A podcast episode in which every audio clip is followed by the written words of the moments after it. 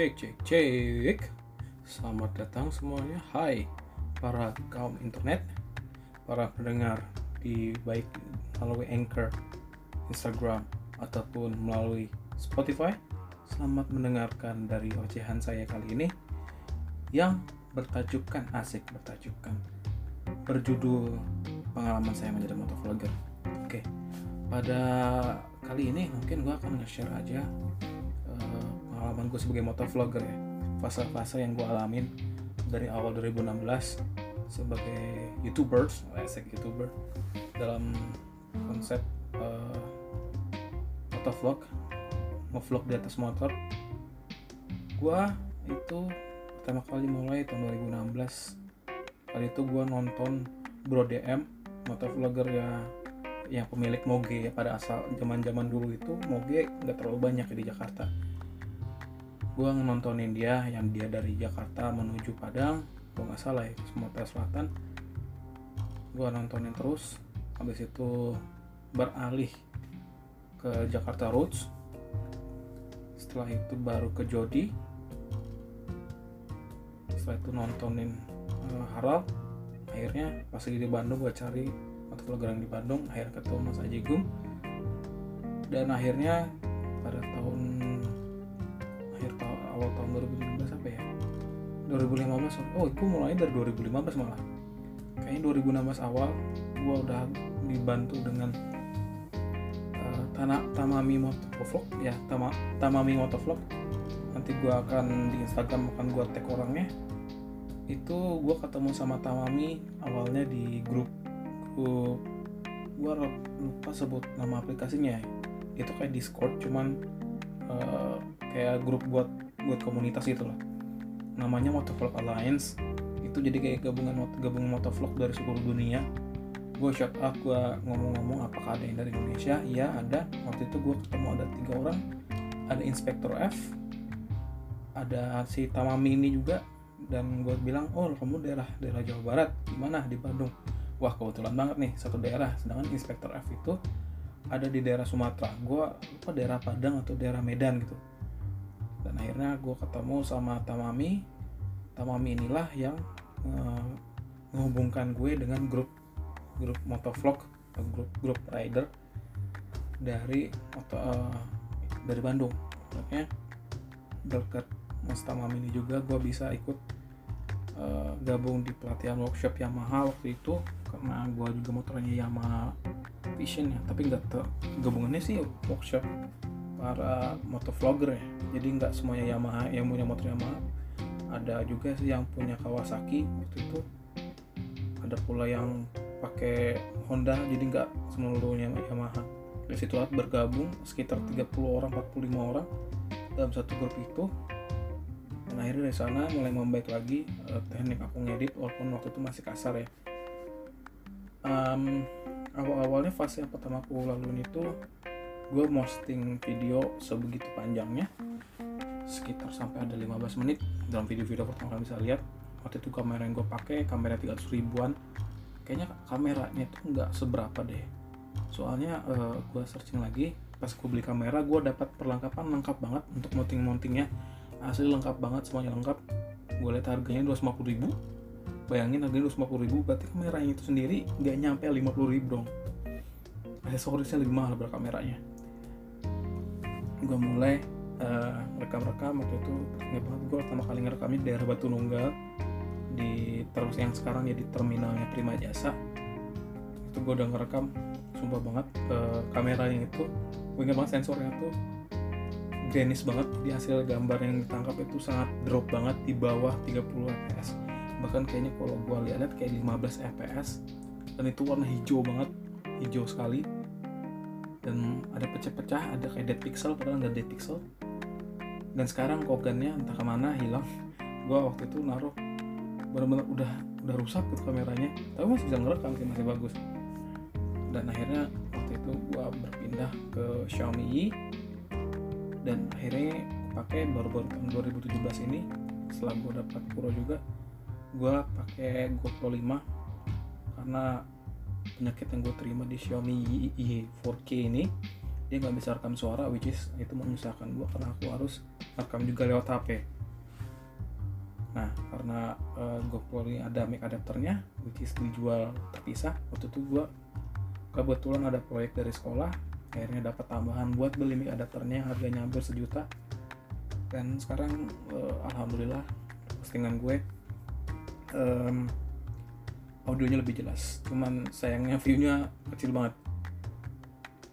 Uh, gue yakin banget sih gue juga share-share ke teman-teman motovlog termasuk Mas Tamami ini. Kalau uh, channel gue sendiri daya tariknya sebetulnya bukan konten yang gue buat sih. Lebih ke arah helm nyentriknya gue. Karena dari sekian motovlogger yang ada di Bandung yang kebetulan waktu itu ngumpul dan helm helm mereka tuh pada bagus semua cuma helm doang yang nyentrik banget. Ada tanduknya lah ada respiratornya ada selangnya.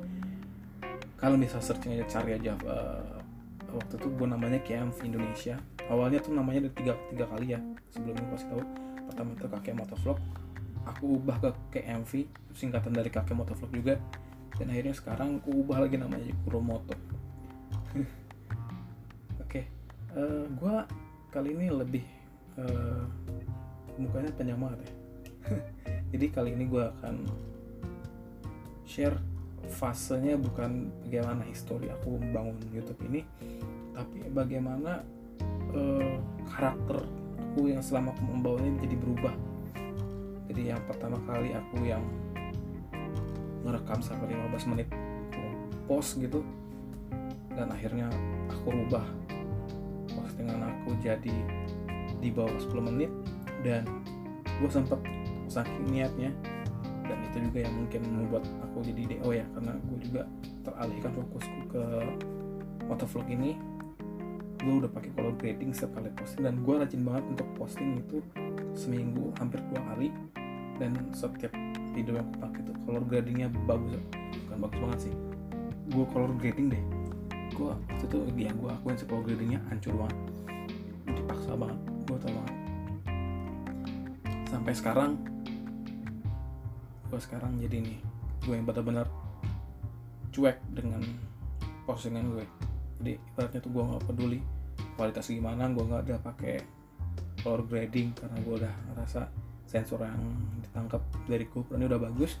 Jadi gue nggak usah lagi eh, color grading. Jadi ya begitu aja. Awalnya gue posting dari fase pertama gue nggak tahu mau mau ngobrol ngobrol gue random. Gue ngerekam apa pun semuanya dari yang sangat tidak penting. Sampai gue mati itu potong-potong cuma cut-cut jam cut kepada uh, klip-klip yang gak ada suaranya doang. Sampai akhirnya gue berkembang lagi ke fase berikutnya. Ya ini gue udah mulai ngerapiin apa yang gue ngomongin gue susun susun susun dan sebenarnya gue ngerasa ada empat fase sih. Di fase ketiga ini di fase kedua sorry di fase kedua ini gue sempat nyari konten untuk nyari orang crash nyari eh, kejadian-kejadian yang notabene nya yang gue rasa jadi daya tarik motovlogger kecuali untuk ngebut dan cornering karena eh kalau cornering masih bisa sih. Kalau cornering ngebut ya karena motor waktu itu nggak nggak nggak kenceng. Jadi salah sih sebenarnya gue gue bilang gue nyari nyari orang crash itu udah salah menurut gue tapi gue nggak menyalahkan buat kalian untuk cari konten untuk nyari orang yang crash ya. Gue dalam fase itu ibaratnya gimana ya? Nyari nyari kesalahan orang termasuk juga terus untuk fase-fase konten yang gue cari yang salah. Gue nyari uh, orang yang salah. Gue tegur gue ada kamera nih. Gue nunjuk-nunjuk ke arah action cam gue kalau salah gue nunjuk-nunjuk ke arah uh, arah action cam gue which is gue rasa itu karena latah. Karena gue ada power. Ngerasa ngerasa gue ada power gue ngerekam. Gue udah gue udah ngatuin aturan. Lu masa ngatur aturan gue bisa bikin viral. Which is salah menurut gue itu dalam fase kalau kata Panji bilang latah ilmu ini latah power. Jadi gue ngerasa waktu itu gue latah. Jadi kalau ada orang salah gue marah-marahin gue ngerekam nih.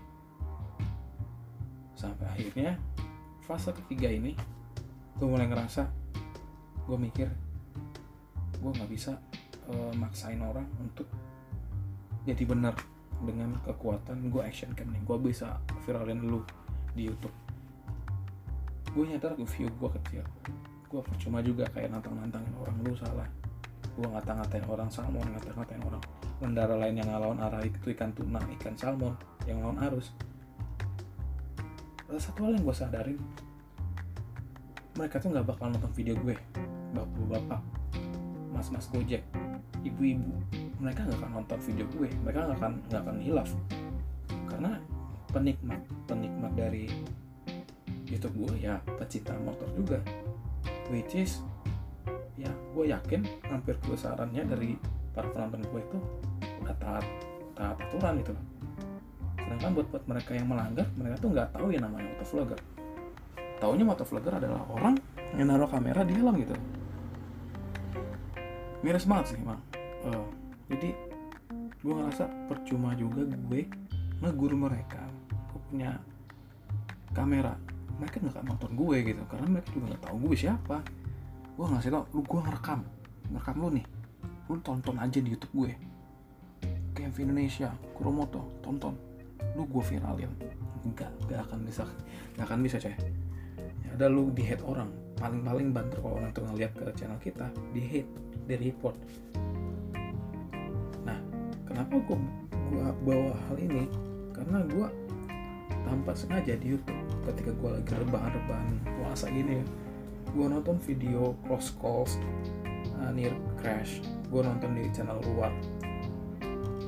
Which is gue rasa karena di luar itu kan tertib banget.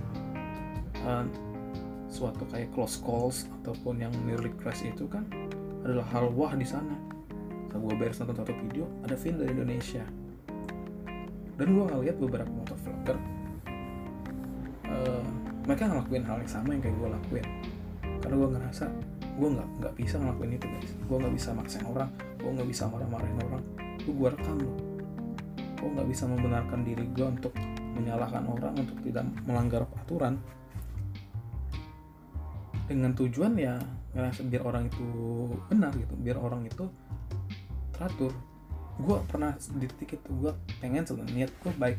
Biar orang yang melanggar ini patuh aturan tapi pada kenyataannya sih nggak akan bisa. Kalau gue rasa ya? Nggak akan bisa guys. Guys nggak akan bisa guys. Karena mereka nggak nonton mereka nggak akan sadar. Karena siapa? Gue. Gue bukan artis. Mereka juga akan buang kota mereka untuk nonton YouTube gue. Mungkin juga ya beberapa orang yang kebetulan nonton. Itu juga masih ada chance 50-50 mereka bakal sadar atau enggak jadi gua sih ya pengennya ngajakin motor vlogger motor vlogger yang dalam fase membenarkan kayak merasa diri mereka diri kalian itu bisa negur orang dengan ancaman gue ada bawa kamera. Uh, stop it. But I know gue nggak punya kekuasaan untuk menahan kalian untuk menghentikan konten yang kalian buat tapi gue ngasih dari sudut pandang gue itu ada hal yang percuma karena gue tahu uh, situasi gimana. Kita nggak bisa maksa orang. Uh, walaupun kita mau kayak hukuman sosial siapa sih yang walaupun penonton lu siapa sih yang kenal yang yang ngelanggar itu siapa gitu loh. Belum lagi gue udah tahu ada undang-undang penyiaran. Harus ada yang disensor. Pelaku juga tidak disensor. Jadi otomatis pelaku pelanggar pun sebenarnya kalau kita masukin konten YouTube harus disensor harusnya. Harusnya ya. Dan itu percuma menurut gue kalau gue maksain orang karena gue merasa ada kamera di helm gue itu gue ngerasa di fase itu untuk perasaan perasaan gue untuk pendapat gue sendiri itulah adalah sifat arogansi seorang motovlogger gitu which is gue ngerasa it's okay buat kalian dalam fase itu dan kalian nyaman dengan fase itu nggak apa-apa. Gue is okay kalian membenci gue karena gue ngerasa ngebilangin kalau itu adalah arogansi. Kenapa gue bisa bilang arogansi?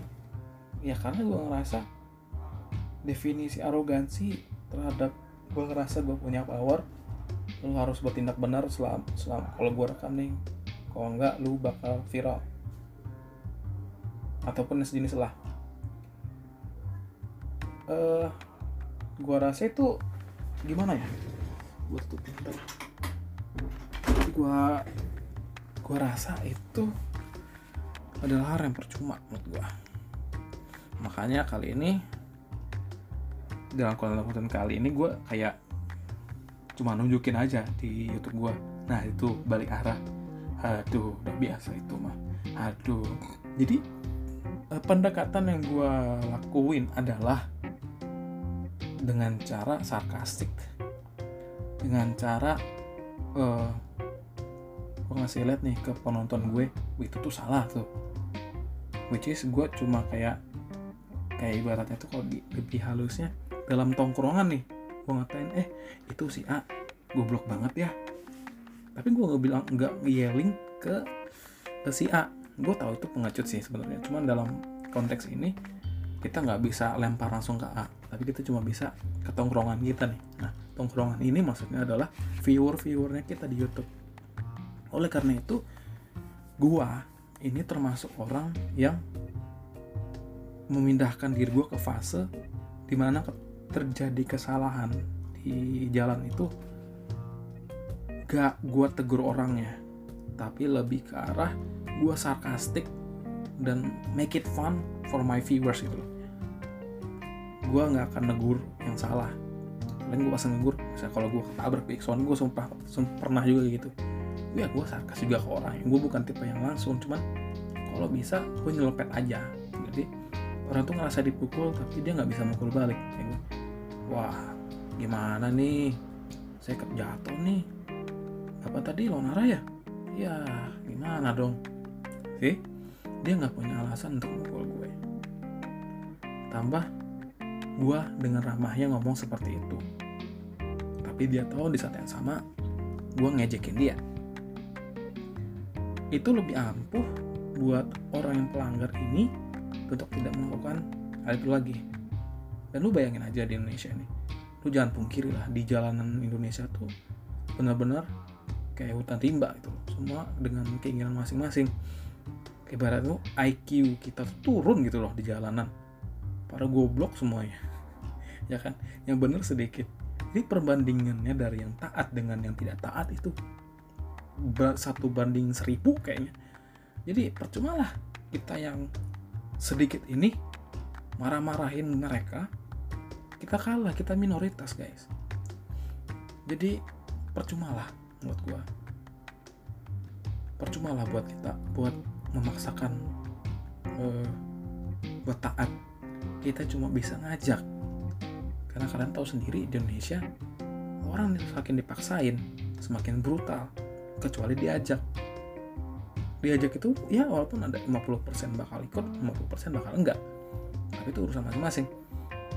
Jadi ya buat kalian yang masih mencari konten crash apalagi menggunakan embel-embel motovlogger gue bisa ngerekam lu gue bikin viral lu it's wrong menurut opini gue. Gue harap kalian berhenti melakukan fase itu dan berpindah ke fase gue maunya yang fase sekarang kayak gue. Lu cuma buat rame-ramein lu ngesarkas si orang itu untuk tongkrongan lu. Tongkrongan ini adalah viewersnya lu. Nah itu sih yang gue pengenin gue nggak ngelarang kalian untuk mengubah konten kalian tapi gue ngajak. Nih gue ngajak ya bukan gue maksa. Jadi nggak kayak kalian yang masih kayak gitu untuk maksa orang ikut aturan. Gue cuma bisa ngajak kalian nggak bisa maksa kalian ikut aturan. Nah ya kayak gitu. Makanya uh, emang sih kalau yang kayak gue itu fasenya jarang penontonnya viewersnya pasti kecil. Karena orang itu Indonesia tipikalnya ya suka melihat pertikaian.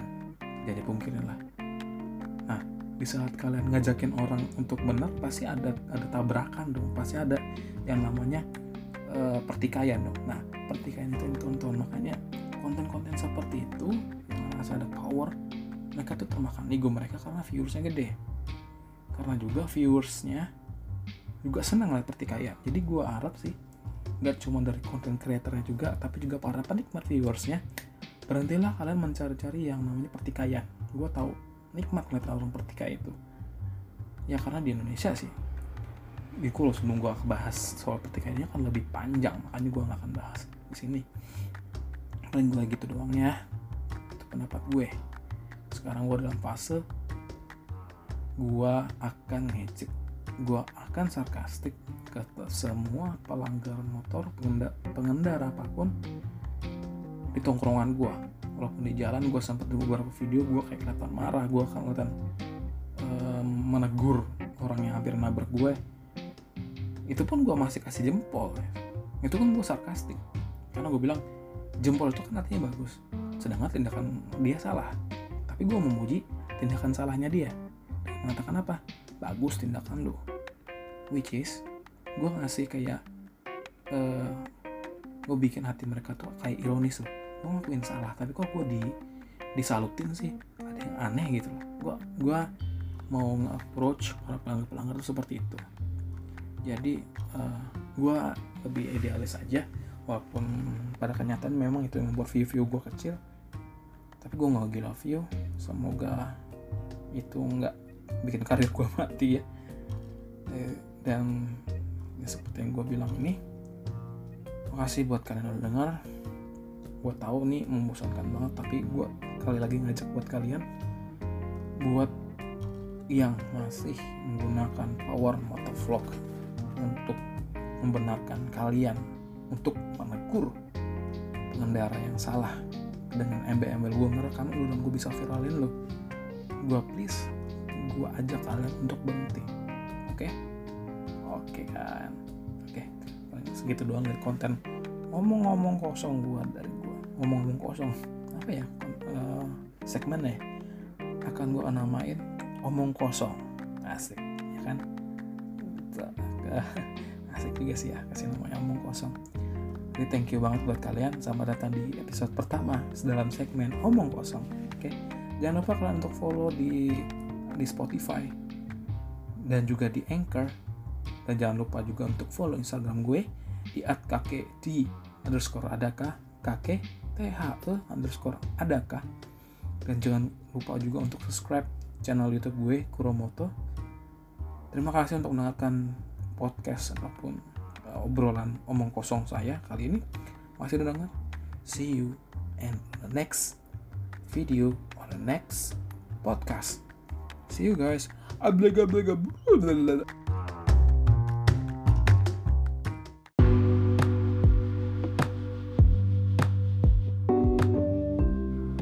Cek cek cek. Assalamualaikum warahmatullahi wabarakatuh. Salam sejahtera buat semuanya. Akhirnya ada kata greetings yang lebih sopan ya daripada sebelum-sebelumnya. Oke, apa kabar kalian semua? Bagaimana uh, kabarnya? Di hari bulan puasa yang ke-11 ini saya ngerekamnya di hari ke-11 bagaimana kalian PSBB-nya di rumah? Apakah lancar atau bebal kayak saya? Bebal sorry. Nggak jelas ya ngomongnya. Apakah bebal seperti saya? Jalan-jalan tetap nggak ya nggak. Jalan-jalan sering jalan-jalan sih. Oke jadi buat kalian tetap semangat untuk PSBB-nya work from work from home. Gimana sih bahasa Indonesia aja lah bekerja dari rumah, stay home, tetap semangat ya. Oke, kali ini gue akan curhat aja kali ya. Ngomong-ngomong kayak mau cerita aja uh, background gue di YouTube. Gue itu berawal karir, asik karir. Ber YouTube itu motovlog dari tahun 2016 kalau gue lihat di channel YouTube gue tuh dari tanggal 7 Oktober 2016 gue memulai pertama itu seperti yang gue ceritain sebelumnya. Gue terinfluence juga dari beberapa motovlogger awal di Indonesia yang seperti DM gue taunya nonton pertama kali sih DM gue udah lupa lagi nama nama channelnya. Ya bro bro DM itu. Terus uh, TJR baru ya bla bla bla akhirnya sampailah aku memutuskan untuk bikin YouTube. Nah pada tahun 2016 itu lagi booming boomingnya motovlogger. Nah kebetulan waktu saat itu gue juga kenal nontonin uh, motovlogger motovlogger motovlogger dari Amerika. Ibaratnya kayak Royal Jordanian. Itu gue pertama kali nonton. Cuman dia kan kayak ngerekam aja jadi belum waktu begitu tertarik waktu itu Habis itu baru aku tuh gua tuh nonton uh, Chase on Two Wheels. Dan akhirnya aku ketemu sama Walter Riffick yang akhirnya gua mengkiblatkan konsep motovlog gua itu ke dia. Dari era-era tahun 2016 sampai ke 2017 pada era-era tersebut uh, channel gua ini uh, agak rame sih agak rame doang. Jadi ada beberapa kayak video itu cuma tiga postingan apa empat postingan itu atas seribu seribu views tuh. Gue seneng banget. Pada kenyataannya gue rasa sih akhir ini kayaknya yang jadi daya tarik YouTube gue itu sebenarnya bukan dari konten yang gue bikin tapi sebenarnya helm yang gue bikin. Karena pada dasarnya helm yang gue bikin pada tahun pada era 2016 2017 itu sangat nyentrik gue pernah di posting di Instagram gue yang kakek di adaka cuman you know lah dalam masa krisis krisis waktu itu aku sering kayak ngapus foto-foto gue yang ada sekian ratus foto aku delete sampai akhirnya aku delete semua tersisa dengan foto-foto yang sekarang. Kalian lihat di di Instagramnya aku ya. Waktu itu uh, mungkin kan bisa juga nonton di channel YouTube gue di uh, Kuromoto. Kalian bisa lihat di video-video awal yang masih nama di watermarknya tuh kakek motovlog. Masih helmnya helm KYT lama banget KYT yang polos putih. Dan sampai-sampai akhirnya aku bisa beli helm sendiri dengan uang sendiri. Waktu itu mereknya Snell MX301 yang helm mortaknya satu-satunya ada. Saat itu gue beli di Pungkur di salah satu jala, uh, pusat otomotif kayaknya ya. Kayak pertokoan itu cuman lebih terfokuskan dari situ tuh kayak otomotif ada mobil segala macam. Nah aku belilah waktu itu di sana di Juragan Helm. Kalau nggak salah nama tokonya ya. Aku beli Snell. Waktu itu nggak satupun helm yang cukup di kepala gue. Termasuk waktu itu ada helm Zeus. Aku padahal mau beli itu cuman karena aku sangat ter terkiblatkan ke Walter Riffick yang waktu itu helmnya kalau nggak salah Icon atau IFX ya IFX kalau nggak salah yang Venator One itu. Dia tuh helmnya kan motor tuh. Yang semi-semi motocross. Tapi masih ada visornya gue belilah karena bentuknya sama. Akhirnya selang beberapa bulan helm itu akhirnya masih dalam keadaan perawan. Setelah bulan kedua atau bulan ketiga aku udah mulai macam-macamin. Gue taruh respirator lah. Gue taruh uh, lampu lah. Yang kayak kalian lihat di Kuromoto di lambang foto foto YouTube-nya tuh ah, kayak ada lambang warna-warna biru. Itu sebenarnya helm helm gue tapi itu sebenarnya kayaknya bukan yang MX 301 deh. Itu kayaknya uh, ya helm kayak ET itu yang gue cat ulang. Nah itu udah pertamanya yang gue bikin pertama kali itu si helm yang kayak T. Tapi setelah misalnya uh, gue ngerasa kayak uh, mau lebih mirip lagi di Walter Effect akhirnya parts-parts yang ada di KT gue cabut gue taruh di uh, helm gue yang Snell itu. Dan akhirnya gue kasih nama Daywalker waktu itu. Nah selama beberapa lama setelah workshop Yamaha waktu itu yang berkumpul dengan motovlogger motovlogger udah motovlogger motovlogger Bandung akhirnya gue uh, bukan gue sih akhirnya pada saat akhir acara rasanya itu foto bareng dengan salah satu juga motovlogger yang waktu itu paling terkenal di daerah Bandung itu Mas Ajegum gue foto nih di Instagramnya dia. Gue paling nampak karena aku duduk waktu itu paling depan kanan. Kan mungkin bisa cari aja di uh, Instagramnya Mas Ajegum itu uh, sebelah kanan aku foto. Waktu itu masih dalam uh, versi 2 jadi masih banyak versinya komik Walker terus ada yang komen nih gue mau baca juga dong? Wah itu helmnya sangar eh itu gimana berapa belinya? Aku komen lah. Ya selepas selepas tinggal uh, subscribe juga lah YouTube-nya aku. Nah pada saat uh, selesai workshop motovlogger itu naik nih channel gue. Maksud uh, dari awalnya 80 aja akhirnya naik sampai 300 eh sampai 300 sih. Naik sampai 100 150 200 dan akhirnya 250 sampai sekarang. Dan akhirnya sekarang udah sampai 400 alhamdulillah. Segede itu. Nah setelah uh, eh, gue kasih kan nih dengan dunia YouTube gue uh, lalai sama salah satu sebenarnya yang sebagai tanggung jawabnya gue. Gue uh, ngelalain kuliah gue. Sebenarnya bukan cuma YouTube sih ada ada beberapa hal sebenarnya tiga hal yang bikin gue itu lalai.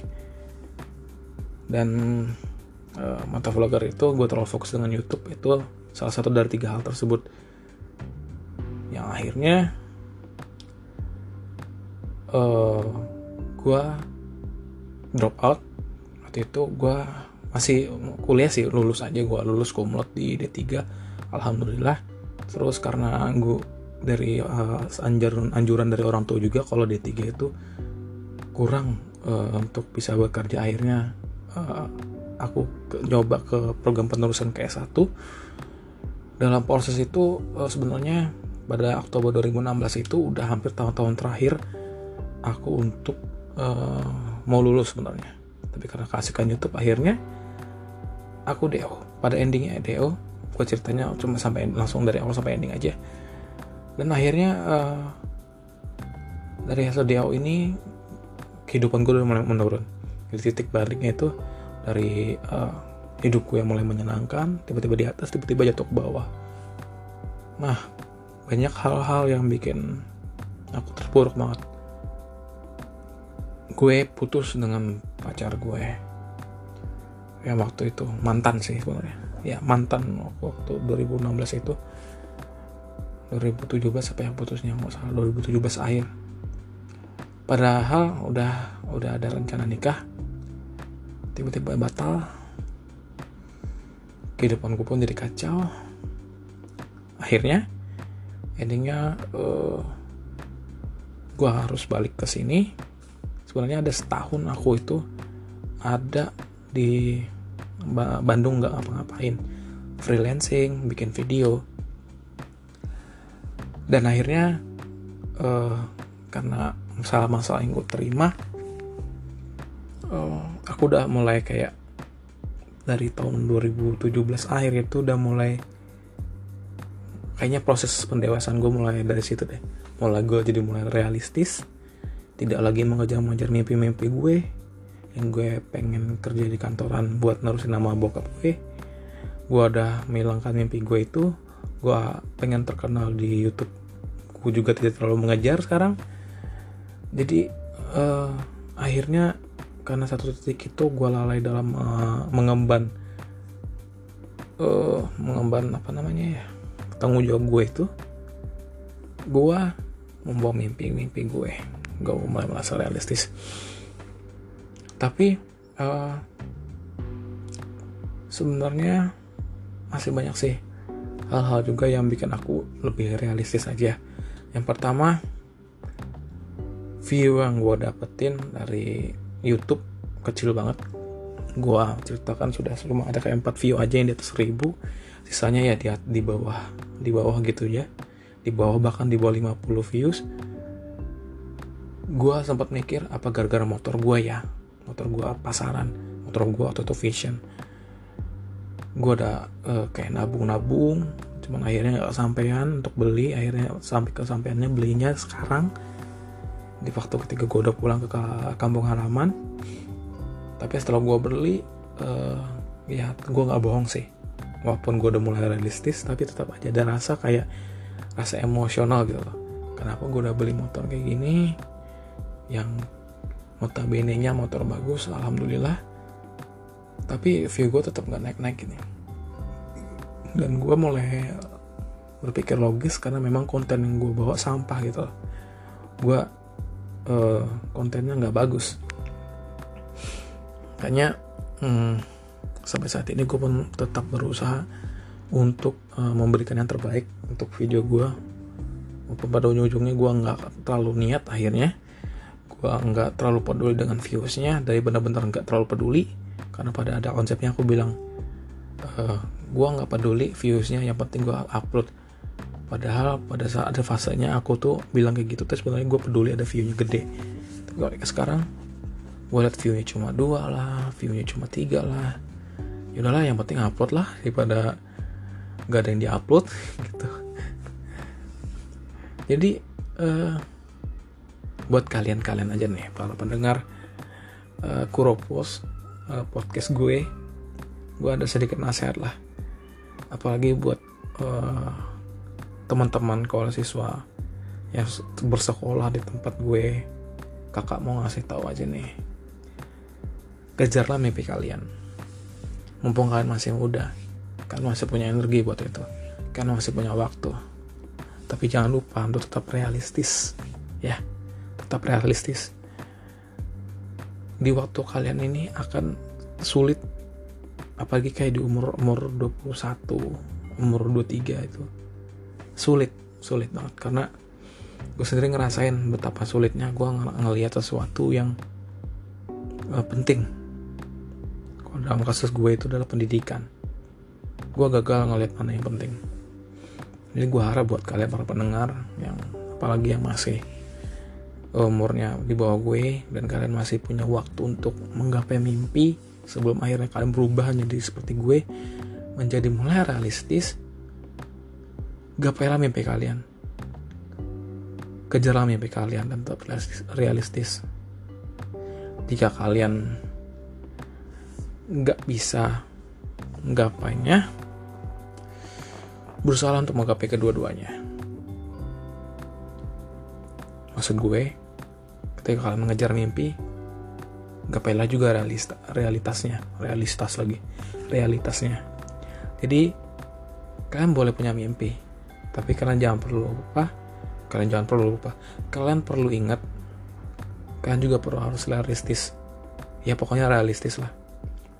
Mimpi kalian jangan terlalu tinggi lah.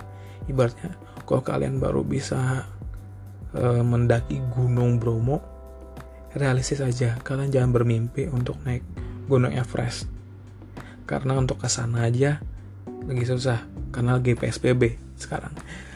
Ke sana kalian harus punya paspor segala macam. Ke sana kalian harus bisa bahasa Himalayan. Kalian harus bisa bahasa lokal. Kalian harus tahu medannya. Jadi kalian harus realistis aja bermimpi boleh tapi harus realistis. Syukuri apa yang ada karena yang berlebihan itu tidak baik. Terlalu optimis tidak baik. Terlalu pesimis juga tidak baik. Oke. Makasih udah dengar sampai sekarang. Makasih buat para pendengar yang mendengarkan curhatan gue. Jangan lupa untuk follow di aplikasi Anchor dengan tajuk asli dengan tajuk dengan akun bernama Kuropos Jangan lupa juga untuk dukung gue di channel YouTube gue di Kuromoto. Dan jangan lupa juga untuk follow Instagram gue di @kakekd underscore adaka di ini T H E ya kakek de adaka. Oke, makasih udah mendengarkan. See you in the next podcast.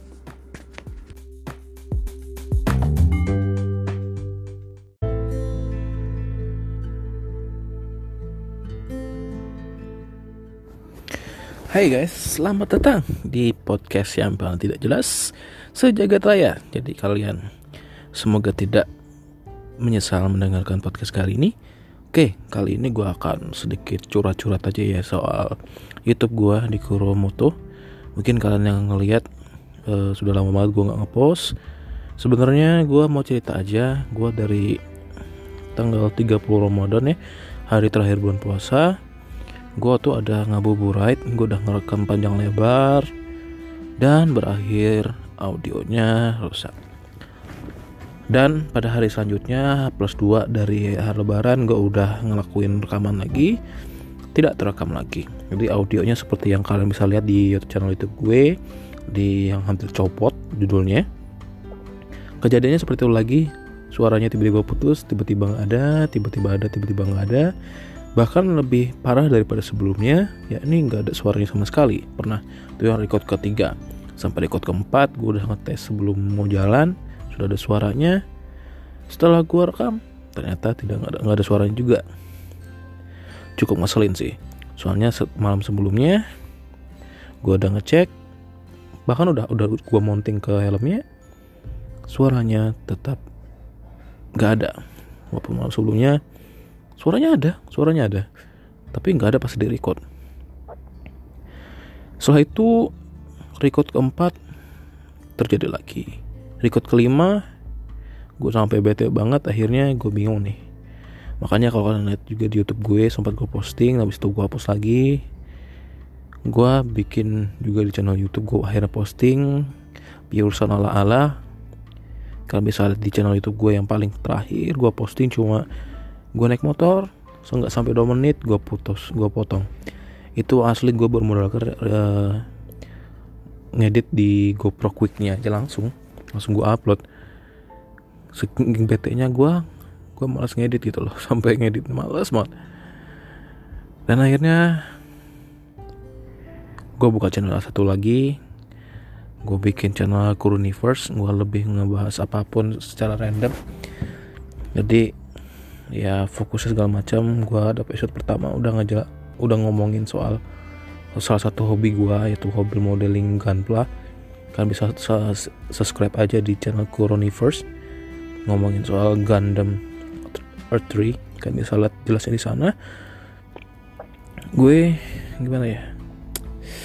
Sampai titik dirasanya eh waktu kalau ngefoto vlog ini yang dikorbanin banyak ya kan? Naik motor ngeluarin duit bensin terus ya you know di jalanan kan juga kalau kita sudah udah stay safe orang lain nggak stay safe. Jadi ya ending endingnya ya taruhnya nyawa juga. Aduh ada yang masuk. Sorry sampai ada lain masuk ya sorry ya. Kalau ada gangguan masuk. Ya gimana ya rasanya? Gue berkorban begitu banyak uh, tapi video gue nggak naik naik gitu loh. Gue nggak tahu apa mungkin karena terlalu generik atau mungkin video gue nggak ada yang bisa dihina ataupun apa pun. Tapi ya pengorbanan begitu besarnya viewnya nggak terlalu besar. Kayak gue sering kadang iri kayak itu itu bergede tapi gue ngeliatnya terlalu tinggi sih ya terlalu ke atas. Mereka yang kayak cuma 100 ribu cuma 10 100 orang nonton itu udah dianggap kecil.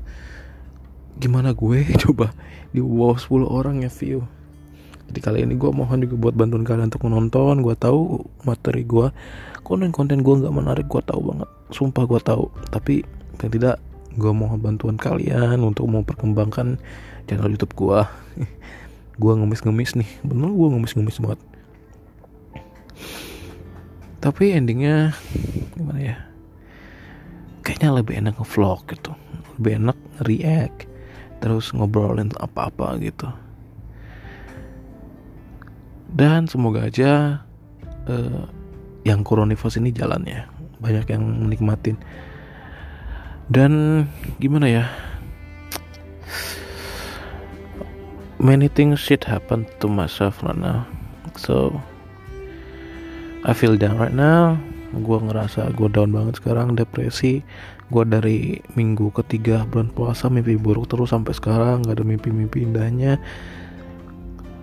Gue kayak terpuruk banget sekarang terpuruk lagi setelah berapa lama gue senang gue terpuruk lagi. I don't know why but gitulah uh, sirkulasi kehidupannya. Dan gue ngerasa di anchor ini pendengar gue juga banyak. Gue seneng banget pendengarnya cukup banyak. Ya gue nggak muluk-muluk sih kalau kalian dengar sampai sini gue minta maaf kalau misalnya gue kayak kurang berterima kasih kepada kalian yang sudah mendengarkan gue. Uh, statistiknya enak banget. Uh, gede. Gak makasih banget buat nonton buat kalian. Gue juga berharap kalian mendengarin semua podcast gue sampai habis. Gue harap banget kalian tetap pantengin sama omongan gue walaupun omongan gue banyak yang gak masuk akal banyak yang gak bermanfaat ataupun kurang menarik gue tetap gue mohon ngemis ke kalian untuk tetap mendengarin gue maafkan gue gue terdengar sangat menyedihkan. Dan gue cuma bisa sampai segitu aja untuk kali ini.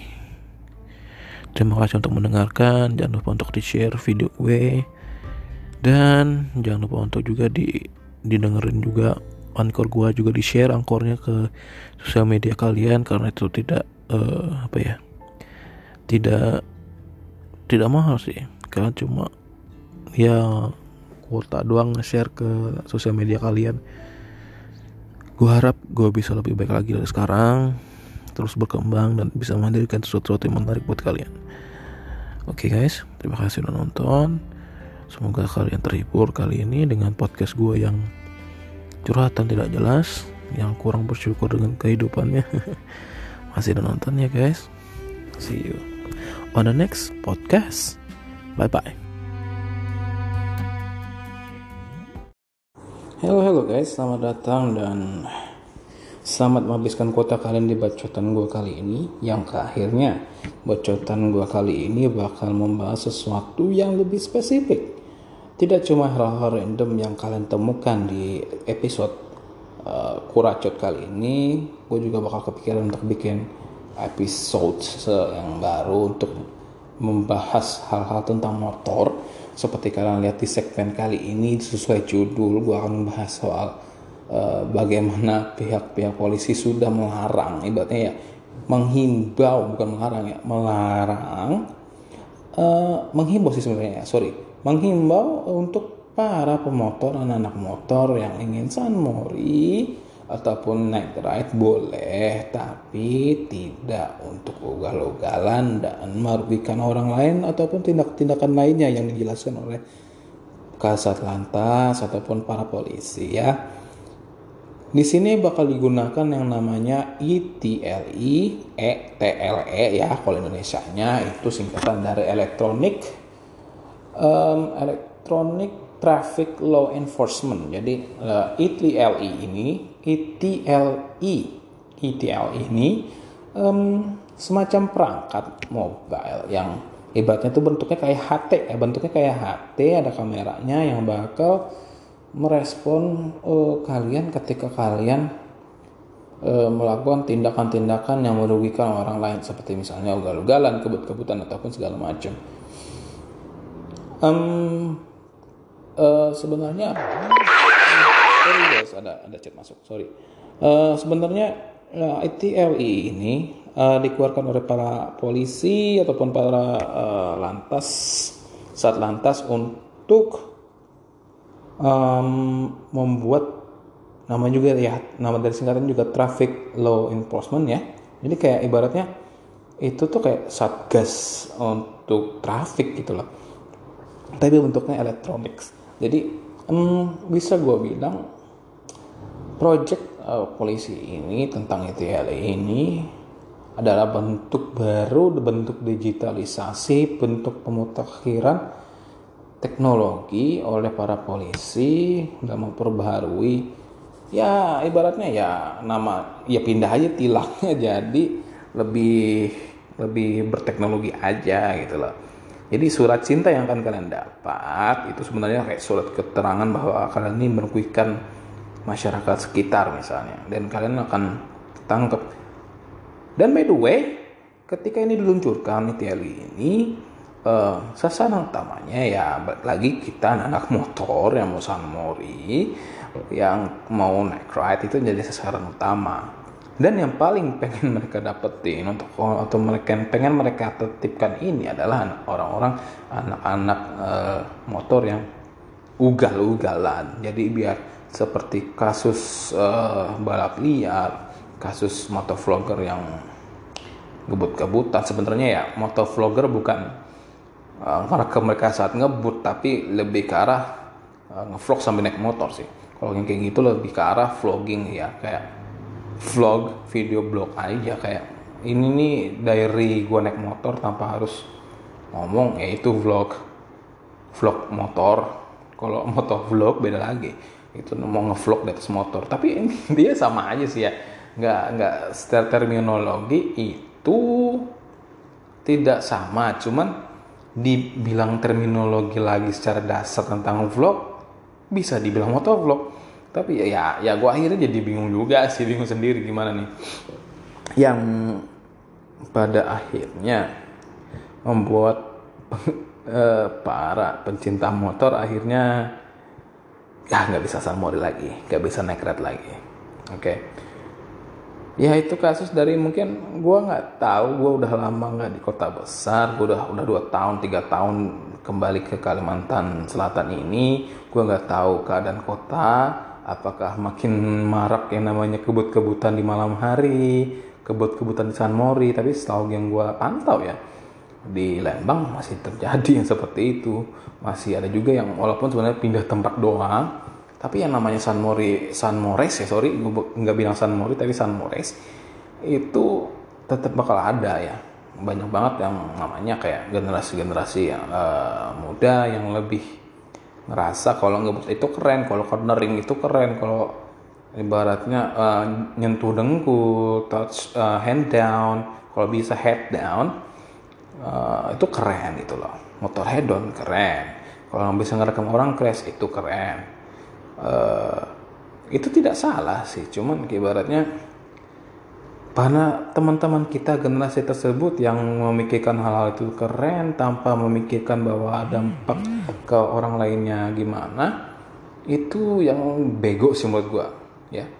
Kayak tahu itu keren cuman nggak tahu kalau itu merugikan orang lain. Itu itu bego men. Gua gua nggak masalah itu kalian menganggap itu keren. Tapi selama kalian tidak menganggap itu uh, bahaya buat orang lain kalian masa bodoh well jangan berharap orang untuk peduli ke kalian ya. Kalau ketika kalian crash ataupun kalian sendiri crash dibantuin ataupun ya jangan berharap uh, masyarakat akan fan fan aja sama kalian gitu loh. Um, sama halnya kayak kejadian yang CBR ditendang itu ya itu kan awalnya ya karena ketidaktahuan si si viral yang truk viral ini bahwa di situ ada ring satu ya karena ketidaktahuan aja itu ya karena mereka tidak tahu ataupun menolak tahu ya itulah yang membuat e, masyarakat dalam hal data kutip ini adalah pas pampres untuk bertindak mungkin gue out of the context mungkin gue nggak nyambung. Cuman ibaratnya gini loh. Jangan berharap orang akan berperilaku baik ke kita. Kalau kita sendiri sebenarnya kayak acuh juga kepada mereka gitu. Jadi eh, nggak uh, ada give in take. Cuman ujung-ujungnya kita termasuk gue dulu pernah menjadi seorang seperti itu gue maunya take take take take terus. Nggak ada give-nya. Ibaratnya ya akhirnya seperti kasus yang seperti CBR dua setengah ditendang sama pas pampres. Giftnya seharusnya mereka tahu kalau itu adalah daerah larangan. Take-nya ya akhirnya ditendang. Eh, enggak sih, kalau take-nya itu mereka mau lewat sana, ya mau lewat sana. Mereka nggak mau tahu, wah ini petugasnya nggak manusiawi, bla bla bla bla. Ya udah, akhirnya take take take terus nggak mau nge-give itulah yang gue bilang secara konsep adalah orang bego yang maunya masa bodoh maunya yang mereka anggap mereka tuh keren di mata mereka. Mereka juga berharap orang menganggap mereka tuh keren terus masyarakat itu nggak ngelakuin apa-apa terhadap mereka itulah tindakan bodoh menurut gue ya. Menurut gue. Termasuk juga ketika mereka gue komen gue komen begini apa gue lentarkan pendapat gue kayak gini mereka nganjing nganjingin gue bangsat bangsatin gue ngentot ngentotin gue. Ya itu termasuk juga dalam bentuk mereka untuk selalu take take take take take. Mereka cuma pengen orang tuh ngertiin mereka orang tuh cuma pengen mereka tuh oh, lu lu lu lu bego lu lu nggak keren lu bilang aja lu ngiri bos ngiri bilang bos. Terus lagu tiktok tiktok langsung ngen teteret teteret teteret ya ibaratnya yang kurang dari perkembangan manusia yang termasuk juga yang masih salah dari gue juga adalah masih terlalu banyak ngetik-nya gitu loh untuk orang Indonesia kali ini. Gue nggak tahu apakah konten gue yang kali ini gue monolog yang gue lemparkan kali ini berbahaya apa enggak ya. Tapi yang pasti menurut gua ketika kita terlalu sering ngetik tanpa kita harus mempedulikan orang lain itu hanyalah dalam adalah bentuk dari keegoisan kita sebagai seorang manusia gitu loh. Karena kita mau ngambil terus nggak mau uh, memberi. Itu apa bedanya kita sama manusia purba manusia barbar manusia uh, megantripos ataupun mega megalodon apalah sebutannya yang tidak punya otak yang tahunya cuma untuk bertahan hidup gitu loh. Punya otak sih sebenarnya tapi kayak ibaratnya lebih peduli perut mereka sendiri. Jadi yang membuat ya dominasi manusia tuh nggak ada di bumi. Karena mereka cuma mikirin perut mereka doang. Mungkin juga ya gua nggak bisa mau ngomong lebih lanjut lagi soal penggambarannya tapi yang pasti ya gue akan berusaha sebisa, sebisa mungkin karena gue tipe orangnya seperti nggak enakan gitu dengan orang lain ya udah gue nggak bisa maksain kepada mereka yang menganggap diri mereka keren yang seperti gue gambarkan sebelumnya orang-orang bego orang-orang orang bego tanda kutip yang gue bilang sebelumnya gue nggak bisa maksain. Gue nggak bisa maksain pola pikir gue ke mereka. Begitu juga pola pikir mereka ke gue gitu guys. Well in the end of the day kita bakal terima fakta bahwa orang-orang yang berpikir mereka keren ataupun ya uh, antara motovlogger ugal motovlogger. Ya nggak semua bilang gue bilang motovlogger ugal karena gue juga motovlogger juga nggak selamanya ugal ya. Hai Sophie uh, nggak selamanya gue ugal ya. Jadi ibaratnya ya generasi-generasi yang menganggap bahwa kebut-kebutan itu keren sepertinya sekarang makin banyak gitu loh. Ketimbang mereka uh, para remaja-remaja yang lebih peduli soal safety itu akan kalah jumlahnya bahkan bakal kalah koar-koar ataupun bunyinya ketimbang mereka yang menganggap kebutan-kebutan kebut-kebutan itu keren gitu loh. Yang sebenarnya juga yang nggak mereka pikirin ending-endingnya itu ruginya nggak tuh nggak di mereka doang. Ruginya tuh ya di satu komunitas motor itu sendiri gitu loh. Dan kadang mereka nggak nggak yang gue tangkap ya kalau gue sendiri by the way yang kasus uh, sepeda motor yang ditendang sama pas pampers itu dia sendiri kayak nggak ngaku-ngaku. Ya gue lihat di Instagram tapi kayaknya gue perlu lebih lanjut mantau hal itu deh. Kenapa dia nggak ngaku? Mereka udah dia ya dia sering di situ soal viral bla bla bla. Gue mungkin mesti cari informasi lebih lanjut soal itu. Jadi masih ada penyangkalan gitu loh kalau dari gua sih gambaran gua cuman ya uh, I don't know karena uh, info yang gua dapat juga masih lemah gitu loh jadi ya jadi gua mesti lebih tahu lebih lagi Oke, okay, guys, paling lebih dari, dari situ aja. Gue ngebahasnya. Kita akan lebih bahas lebih lanjut lagi di episode yang khusus mengebahas soal dunia motor ataupun apa yang terjadi di motor vlogger. Dan stay safe di jalan buat kalian, stay safe buat kalian dengerin podcast gue ataupun gue sebut ini monolog karena gue sendirian doang uh, stay safe di jalan, stay safe di mana pun kalian berada, stay stay menggunakan masker, tetaplah berbahagia, tetaplah tersenyum, tetaplah kalian untuk uh, bersembunyi di balik senyuman kalian waktu kalian sedang bersedih. Para makhluk makhluk Homo sapien di Indonesia. Gue doakan yang terbaik buat kalian. Semoga kalian tetap mendapatkan apa yang kalian inginkan. Dan semoga yang terbaik buat kita untuk selamat dari bencana covid kali ini. Yang gue harapkan terakhir adalah kalian ngefollow Kuropos baik itu Spotify ataupun Anchor. Dan juga kalian juga follow Instagram gue di underscore a k r m t pokoknya Kuromoto itu kalian hilangin U sama O nya terus tambahin A di besar di depannya. Jadi huruf huruf vokal dimatikan. Ya pokoknya at underscore A K R M T. Ya sorry ya guys. Uh, namanya terlalu aneh. Ya terlalu susah. Oke okay, guys thank you udah nonton. Makasih buat buang kota kalian. Semoga ini menghibur dan uh, semoga informasi yang gue sampaikan itu tidak salah tangkap ataupun ya tidak bermasalah. Gue juga benci masalah Goodbye.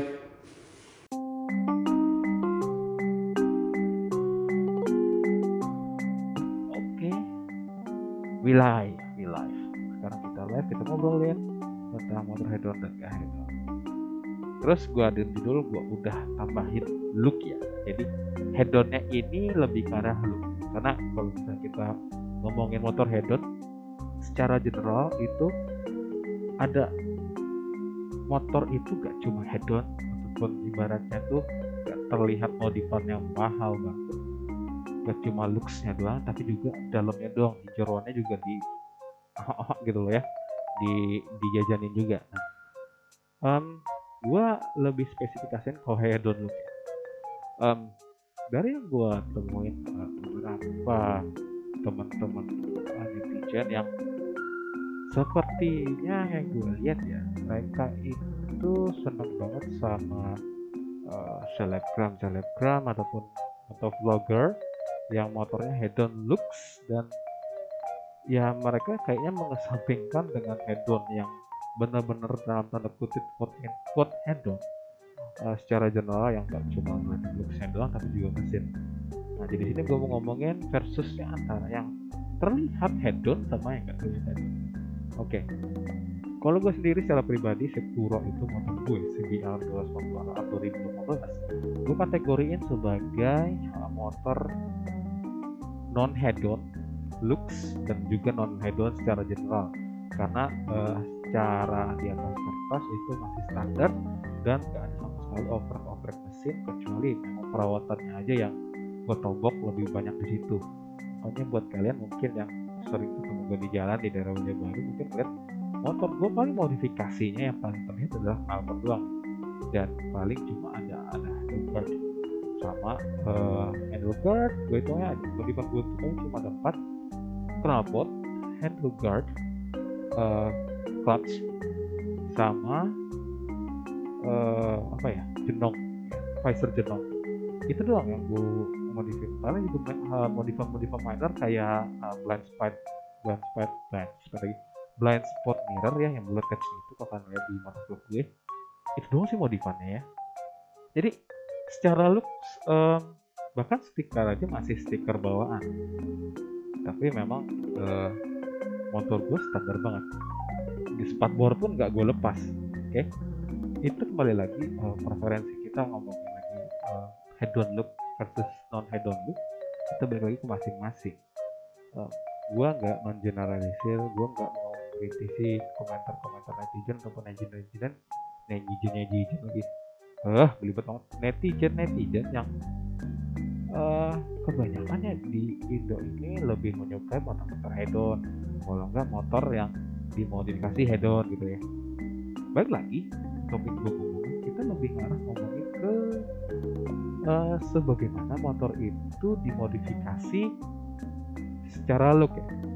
Kalau gue sendiri lagi ngomongnya mungkin akan beleber cuma looks tapi kalau arah fungsionalitasnya gue secara uh, uh, teman-teman gue sendiri ngelihatnya ya kayak teman-teman gue di Bandung di Jakarta oh motor mereka tuh memang head on looks tapi memang ada fungsinya juga. Seperti mereka punya clutch akusato yang kalau bisa di atas ya kalau kalian tahu mungkin clutch yang separa, separuhnya ada ataupun seperempatnya tuh bisa kepotong ya secara mekanikal ya kayak bisa di, diangkat itu sebenarnya kalau secara fungsi sebenarnya tujuannya ketika lagi amit-amit jatuh itu si clutch ini nggak patah. Dan amit-amit banget kalau di modifan itu sendiri nggak ada yang namanya uh, uh, kelak lagi. Bar end bar end guard ya atau handle guard jaluk lah ya jaluk guard gitu ya. Nah, kalau motor itu nggak punya itu ya si akosat sendiri ini sendiri itu clutchnya bakal bisa uh, sendiri ya ketika jatuh. Terus um, seperti mungkin yang gue kurang ya secara fungsionalitas juga dari motor gue gue nggak punya yang namanya frame slider ya. Frame slider gue belum ada belum ada modif belum ada masang gue masih nyari-nyari yang benar-benar uh, aftermarket yang bagus yang dan uh, enak gue lihat juga secara pribadi dan juga juga secara dompet ya. Dan uh, teman-teman gue juga pada beli yang merek-merek Artgrass merek-merek uh, sparkler kalau nggak salah namanya. Gue lupa banget warna merah itu di sebagai flame slidernya memang itu fungsinya memang uh, untuk beberapa orang mungkin buat gantungan waktu belanja jajanan ya. Cuma uh, fungsinya sih gue pernah lihat juga bukan teman sih cuma gue ngeliat waktu San Mori di, di Lembang dulu ada yang jatuh dan film sadar itu memang gue bantu banget kurang baret banget gitu. Dan gue sebenarnya uh, item yang paling gue pengen beli setelah kesampaian windshield jenong ini ya uh, uh, itu sendiri gue pengen banget punya film slider terus balik lagi nih uh, gue jabarkan segala uh, modifan gue yang ada di uh, motor gue ya. Yang pertama yang biasanya sih dilakuin sama orang-orang yang punya motor sejenis sport bubuk seperti Ninja R25 ataupun CBR gak peduli itu 50 cc atau 50 cc yang pasti dipergunakan. Uh, dilakuin pasti melepas spatbor flyingnya ataupun yang kalau di uh, CBR 20 ya RR kan modelnya kan kayak spatbor flying kayak R6 dulu kan. Dan itu tuh pasti dilepas diganti sama uh, in one ataupun yang di apa ya di kaki kakinya itu ada lampu lampu tambahan ya. gue pertama uh, cara gue sendiri generalisasinya dia uh, kenapa gak gue lepas yang pertama uh, gue belum nemu item mudguard yang benar-benar cakep di kaki-kakinya CBR dan ketemu juga itu punyanya uh, pulsar. Itu pas kok nggak salah pas banget pas banget. Cuman bentuknya gue suka. Ya. Terus uh, kenapa nggak gue lepas sama sekali? Yang kedua adalah gue sebenarnya suka secara fungsionalitas uh, Saint dari sejenis uh, ke Saint karena pertama jelas karena dia tuh kayak uh, walaupun itu mode flying tapi itu orang pernah tahu uh, bakal ngeliat jelas ketika itu dinyalain ya. ketimbang karena 3 in 1 dan gue secara preferensi sendiri kenapa gue gak suka yang di model di kolong begitu ya di kolong ban begitu pertama uh, biasanya aftermarket itu modifannya uh, baseline-nya sendiri sudah kuning. Dan kalau gue lihat sendiri rata-rata dari anak-anak mulai gue lihat pakai mesin itu gak terlalu terlihat. Dan dengan model yang dibawa oleh si sisi ini dengan stok setnya bawaan sepatu uh, pabrikannya itu dari awalnya kan lensanya putih. Dan begitu nyala kelihatan kuning. Dan itu jelas banget. Mau itu malam mau itu uh, siang tuh udah jelas banget. Makanya gue secara mungkin karena gue umur gue udah sangat berumur ya mungkin gue lebih mengutamakan fungsi ketimbang gaya. Ya. kalau semakin tua itu lebih ke uh, realistis aja. Jadi makanya kenapa gue secara sendiri itu lebih preferensi uh, yang seperti itu. Jadi gue lebih memilih uh, uh, bawaannya. Sama jelas dilihat oleh orang lain. Dan kedua yang karena gue sekarang kuliah bolak-balik malam ya dari Banjarmasin dan uh, Banjarbaru mungkin buat kalian yang di Jakarta uh, itu 36 km ya mungkin itu biasa buat kalian dari Bekasi ke Jakarta Pusat ataupun ke dari Tangerang ke mana ataupun Jaksel ke Jakpus ataupun dari uh, Jak Jak Jakti Jati Jakarta Timur ke mana gitu pokoknya udah itu is normal lah. Cuman di sini masalahnya adalah jam pulang gua kuliah itu sekitar jam 9 dan tidak seperti Jakarta jam 9 itu masih ramai masih pagi barunya bahkan namanya bencong itu baru mandi. Dan di sini jam 9 itu udah tengah malam. Dan jalan gue pulang itu cuma satu ya. Dari Jakarta ke Gambut terus itu ke lewat uh, Lewanggang itu cuma satu guys kalau gue mau lewat yang lewat bandara itu lebih bahaya lagi ya. Jadi dua pilihan dan sama-sama bahaya. Sering terjadi begal kalau nggak salah gue dengar itu gue polisi dan uh, karena gelap yang jelas pasti membutuhkan sesuatu yang lebih jelas ya. Makanya gue pakai spatbor itu tadi lebih jelas dan ya nggak sembunyi kalau ke dalam kolong itu kayak kesembunyi banget karena itu orang nggak jelas itu motor kecil tuh motor gede ya. Terus yang kedua handlebar ataupun jalur guard itu gue pakai karena gue sendiri pengalaman pernah iseng-iseng pakai yang pakai lama-lama uh, waktu lens splitting waktu itu belum jago ya masih pakai t-shirt masih sangat agak lebar. Gue pernah hampir uh, motornya tuh berhenti mendadak karena jalurnya itu bentur sama belakangnya pickup bakal belakangnya pickup kan besi nih gue tiba-tiba berhenti itu jalurnya patah terus untungnya sih ya untungnya uh, si clutchnya itu gak apa-apa gitu. Tapi berhenti kagetnya luar biasa. Dan dari itu gue pikir uh, untung banget gue kasih handle guard uh, handle guard atau jalur guard buat lindungin si clutchnya ini sendiri. Karena uh, dulu pas gampang banget patah gue merah gitu agar abal-abal ya. Harganya sampai tujuh puluh ribu patah ketika gue cuma jatuh doang dan itu kebetulan sih aman karena memang ada jalur itu sendiri. Walaupun memang itu merek cuma jalur guardnya itu cuma ya sekitar seratus lima ribuan tapi udah enak lah ya buat uh, ngejaga si clutch levernya ini sendiri. Terus uh, buat kalian mungkin uh, yang anak motor nih suka banget sama yang namanya clutch merek Aqua satu yang bisa yang tadi gue jelas di awal yang bisa dibuat uh, secara mekanikal dia biasa setengahnya bakal bisa dilipat.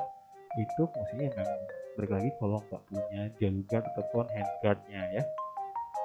Um, kalau gue sendiri yang di pas gue pasang di Kuro itu versi yang abal-abal sih memang ya.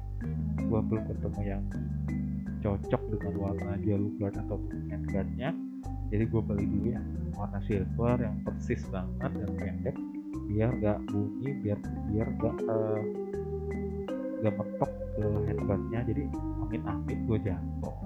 Handguardnya patah tapi si clutch levernya ini masih aman ya. Gak ikut patah gara-gara kepetok sama si handlebarnya terus uh, gue ada dapat uh, asuransi dapat saran dari aku satu. Iya tapi gue mau maksimalin dulu keamanan buat motor gue tapi belum terjadian ya. Balik lagi ke slider. Frame slider you know lah buat ketika jatuh amit-amit lagi glosor motornya dan melindungi beberapa bagian body supaya baretnya seminimum mungkin itu jenis slider. Oke kita tahu dari sana. Gue agak peduli bentuk dari uh, handle guard itu sendiri yang gue cari adalah bagaimana sih bentuk guardnya eh guard kan guard sih? Bentuk dari frame slidernya ini sendiri memungkinkan motor gue untuk sliding secara aman dan yang jelas pasti uh, bikin motor gue itu bertumbuh pada frame slider itu supaya ya yang lain uh, body itu nggak bakal baret atau paling nggak baretnya minimum ya. Terus jalu eh jalu terus kok gue beribet banget ya? Terus uh, dari visor hitamnya sendiri itu gue pakai yang model jenong agak panjang dikit itu apa yang pertama gue pengen itu pertama paling secara looks gue ada nampaknya secara sama itu dari si jenong ini sendiri jadi kalau uh, teman-teman netizen bakal ngatain gue motif yang sangat nanggung ya. Motif yang sangat nanggung. Cuma ada jenong yang paling agresifnya. Uh, clutch lever yang murahan oke okay, harus oke. Okay. dan gua gua uh, aminin juga karena memang handle guardnya juga murah. Ya paling enggak ada kelihatan agresif lah ya itu kebenaran dari gua. Jadi itulah kenapa nambah motor gua itu bukan dari head on look dan juga bukan juga uh, he, non head on look. Karena itu gak kategori head on sih. Kalau topiknya kan tentang head on look dan versus non head on look. Jadi terlihat mewah look sama terlihat tidak mewah Oke. berarti di sini uh, gue jabarin lagi ke teman-teman sekalian bahwa si motor motor head on look ini adalah motor harga yang sangat mahal. Di aftermarketnya tapi juga eh, gimana ya? Eh keren dilihat ya. Terus kalau yang non head on look itu lebih ke arah modif-modifan yang tidak terlihat mahal tapi lebih ke arah fungsionalnya nah kalau on look itu gua kategori di sini masih mahal.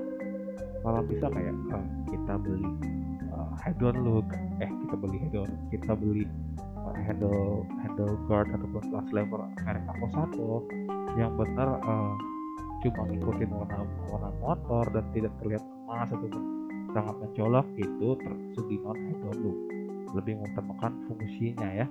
Terus ada yang namanya eh, head guard head guard ya ataupun kayak ibaratnya tuh eh, pegangan kalian lah ya. Kalau gua bahasa Indonesia itu pegangan gasnya sama pegangan sebelah kiri. Itu ada juga yang mereknya Rizoma. Eh, itu juga enak tuh. Pengen juga sih. Cuman ya gua eh, dapetin dulu lah pertama frame slider ya biar amannya dulu.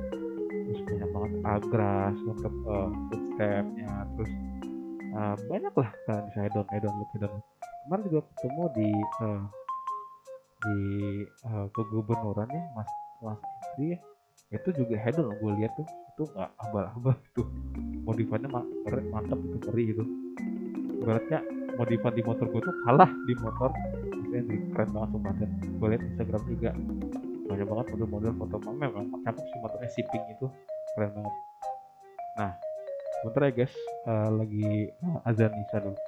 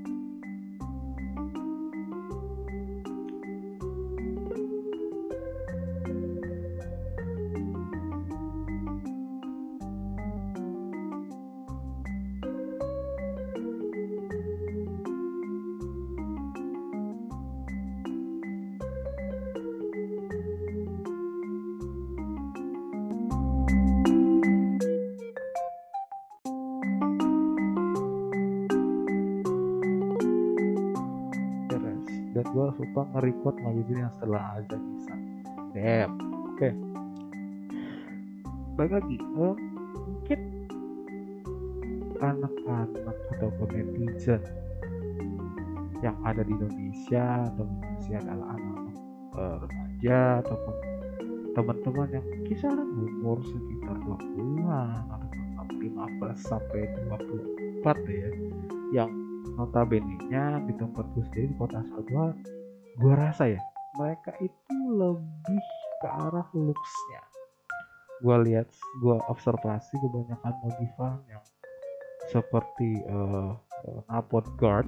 Gue gak tahu sebutannya buat MX itu yang di bawah knalpot. Gue gak peduli gue gak tahu fungsinya apa tapi yang gue rasa itu biar gak mentok di posisi tidur mungkin ya. Dan yang pasti stiker terus uh, spotboard dipatahin biar gampang wheelie ya kan gue tahu lah ya gue tahu. Terus knalpot udah jelas knalpot brong banyak ada juga knalpot yang memang bener. Bener knalpot premium ada juga knalpot semi premium ada juga knalpot yang bener-bener ya oke lah. Seperti knalpot gue nih Yoshimura USA itu juga ya knalpot yang oke lah. Quote and quote oke lah ya. Balik lagi kalau kita ngomongin modifan terakhir ya secara looks memang sebagai menu hidangan modifan yang paling diinginkan ataupun jadi menu utama untuk dimodif ketika punya motor CC dua dua setengah ataupun motor dengan kategori sport bikes knalpot udah jelas. Uh, Karisma Rider pernah ngomongin uh, di Amerika sendiri sebenarnya yang menjadi urgensi orang-orang rider di sana untuk diganti ya paling nggak ban sama knalpotnya ya. Jadi uh, gue seperti itu juga gue urgensi gue sebenarnya satu tentang safety-nya gimana motor itu bisa melindungi dirinya ketika amit-amit crash ataupun sama sama knalpotnya gue pernah ganti pakai SC Project yang KW pernah ya. Suaranya sih wancang tuh kayak megaphone sih memang uh, body bodinya megaphone. Cuman gue ganti karena ternyata setelah gue mau bongkar mau ganti gaswalnya ternyata itu di welding. Jadi di las gue nggak bisa bongkar dalamnya buat ganti uh, gaswalnya jadi gue beli yang baru.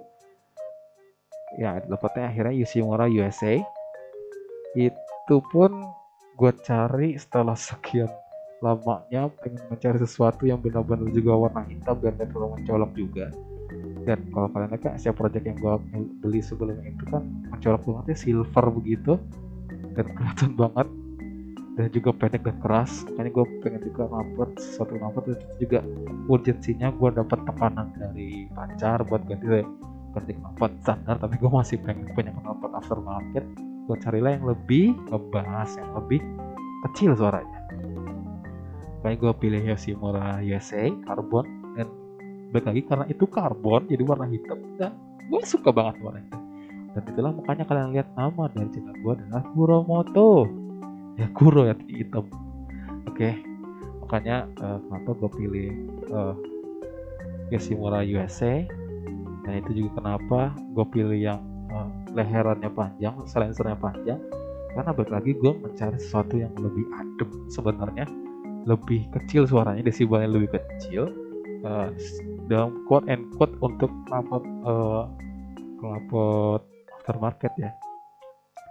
Makanya gue cari yang lebih ngebas dan kebetulan itu sesuai yang gue inginkan. Akhirnya kebetulan Yoshimura USA itu sendiri guys. Dan akhirnya balik lagi. Uh, ini semua preferensi kalian. Kalian mau motor itu head on looks it's okay. Artinya uh, terlihat head on tapi bisa jadi terlihat head on tapi juga uh, secara fungsionalitas oke okay, ataupun juga terlihat hedon tapi fungsionalitas menurun ya. Terus yang ke, ke kedua itu non uh, non hedonnya nggak hedon look tapi secara fungsionalitas anjing dan juga uh, hedon non hedon look no hedon look tapi ya is non hedon tapi nggak diapa-apain. Ya. Ya balik lagi itu adalah motor stok ataupun motor bawaan. Yang paling cuma ganti knalpot doang ya. Gue sebenarnya masih pengen banget ngomongin lebih panjang lagi lebih lebar soal bagaimana uh, gua itu lebih ngutamain perawatan tapi balik lagi itu out of the context dari ngomongin head on look dan non head on look ataupun ke head on look jadi balik lagi semua preferensi kalian kalau mencari uh, kalian ingin mencari keren di mata orang lain ataupun nggak melihat eh, nggak uh, mencari keren di mata orang lain tapi kalian nyaman itu up to you kalian up to you kalian up to you guys. Terserah kalian mau head on head on ataupun apa gimana ya pasti uh, ketika kesalahan kalian ya kalian ngerasain itu itu bakal kejadian sama diri kalian sendiri bukan sama ya orang lain kalian ya udah gitu loh ya. Uh, kalau gue sendiri ya gue lebih mau preferan non head on look sih. Gue lebih pengen uh, secara performa mungkin ya uh, seperti mungkin gue kasih uh, power commander star lane ataupun namanya quick shifter ataupun down to kan keren tuh ya kan gak usah nggak terlalu keluk ya kalau paling stiker aja ataupun ya handle guard yang lebih bagus, frame slider yang kuat, terus ya paling nggak aku satu lah koplingnya. Uh, pasti levernya ya. Kalau misalnya kayak teman-teman uh, ada modifikasi yang paling paling gua umum lihat di Banjarbaru sendiri di, di Banjarmasin secara general itu tempat tempat minyak rem sih yang dia di stang gua gua sebenarnya eh secara logika masih gak nemu eh, secara fungsionalitas apakah itu ngebantu banget ya. Secara kalau gua ukur sendiri eh, seberapa banyak minyak yang masuk dari eh, parts aftermarket tempat minyak itu sendiri kecuali memperlihatkan minyak itu warna merah kalau ternyata pakai minyak rem hedon nih ya minyak remnya Brembo lu pakai is oke lah ya. Tapi kadang-kadang kan ya minyak remnya merah cuman gak merek Brembo ada juga ya kan? Jadi buat teman-teman sendiri yang eh terlalu minyak rem mungkin komen di bawah eh, apa sih eh eh, apa ya faedahnya eh, pakai eh, tutup rem atau tempat rem aftermarket karena gue sendiri ngukurnya tempat minyak eh, minyak rem yang bawaan itu juga sebenarnya jauh lebih banyak ketimbang eh, af- part-part aftermarket tempat minyak lain yang gue temuin ya. Quote and quote yang gue temui temuin ya. Gue nggak tahu kalau mungkin ada yang lebih banyak ataupun mungkin eh, secara performa bikin minyak rem itu lebih irit ataupun minyak remnya tuh jadi kayak lebih ter terbulir atau gimana ya? Ter ter tersalurkan ke kaliper lebih gampang lebih lebih akurat ketimbang yang dibawa oleh sama pabrikan gua nggak tahu belum nemu barangnya. Jadi em, guys itu aja sih gua masih agak bingung tempat minyak rem aftermarket ya. Kecuali ya kalian eh ada punya tahu parts yang benar-benar balik lagi gue ngomongin tadi bisa bikin minyak rem lebih irit ataupun ya eh, terdistribusi lebih baik ke kaliper depan dan belakang gue nggak tahu. Tapi yang pasti gue masih nggak paham konsep dari aftermarket tutup minyak itu ya. Mungkin kalau shock Ohlins gue masih paham sih ya terus eh, kaliper dari Brembo gue paham ya tempat minyak guys. Gue agak masih agak agak bingung kecuali mungkin maunya tempat minyak itu lebih banyak muatnya ya ketimbang yang bawaannya. Cuma kebanyakan yang gue temuin balik lagi quote and quote. Tanda tanda kutip yang gue temuin parts aftermarket tempat minyak rem ini gak lebih banyak dari bawaan standarnya oke? Gak lebih banyak. Dan kadang-kadang minyak remnya pun ya merah jadi merah-merahin doang gua. Agak oke lah oke buat gaya oke sih oke. Lah tapi balik lagi semuanya itu adalah pilihan kalian. Dan setelah gua review gua nge-view Nemo TV gua gua dapat hadiah sendiri nih lucky clover dapat 80 koin dapat 140 koin dapat lagi clover lagi. Bisa gua kasih ke teman-teman Nemo gua lagi yang lain yang lagi live. Oke teman-teman buat kalian yang nonton sampai sini gue makasih banget. Kalian udah membuang kuota kalian selama 37 menit. Dan semoga kontennya terus bergulir ya dari episode 1 ini tentang hedon ke hedon. Dan semoga aja gue inget untuk upload ini di Anchor dan Spotify. Dan ya di follow aja ya di di Anchor dan Spotify dengan akun namanya Kura Post ya itu kalian bisa nemuin segala bacaan-bacaan gue yang lain yang lebih bikin kalian kesel. Yang jelas juga ada informasi yang is oke lah oke lah buat didapetin. Salah satunya udah ngebacet motor ada kalian bisa di sana di Anchor di Kurapos di Spotify juga ada dengan nama yang sama dengan judul yang sama. Dan buat kalian yang ini mendengarkan di YouTube jangan lupa untuk di like di share dan di dikasih jempol dan jangan lupa di subscribe nya itu dinyalain loncengnya. Jadi kalau ketika gue pengen ngebacot kalian tahu nih wah gue pengen dengar si anjing si sampah ini ngebacot nih dia ngebacotin apa lagi? Akan tahu? Dan buat kalian yang gak menyukai live ini ataupun saya siaran ulang dari live stream ini jangan gak apa-apa kan dislike aja is okay. Dan buat kalian yang nonton di Lima TV makasih dan dengerin sampai sekarang nontonin dari 56 orang ya mungkin makasih udah nonton. Sorry banget ini bukan soal game. Ini soal motor ngobrolin podcast karena gue sendiri ngeliat ya di halaman utama live and Imo TV ada juga soal orang ngobrol-ngobrol bareng. Jadi kenapa gue nggak boleh gitu ya? Dan makasih semuanya udah sampai di penghujung bacotan gue oke? Semoga telinga kalian tidak berdarah. Makasih udah nonton. See you next video. Oh kebiasaan gue nih di di di ini di motovlog see you on the next bacotan gue. Dadah guys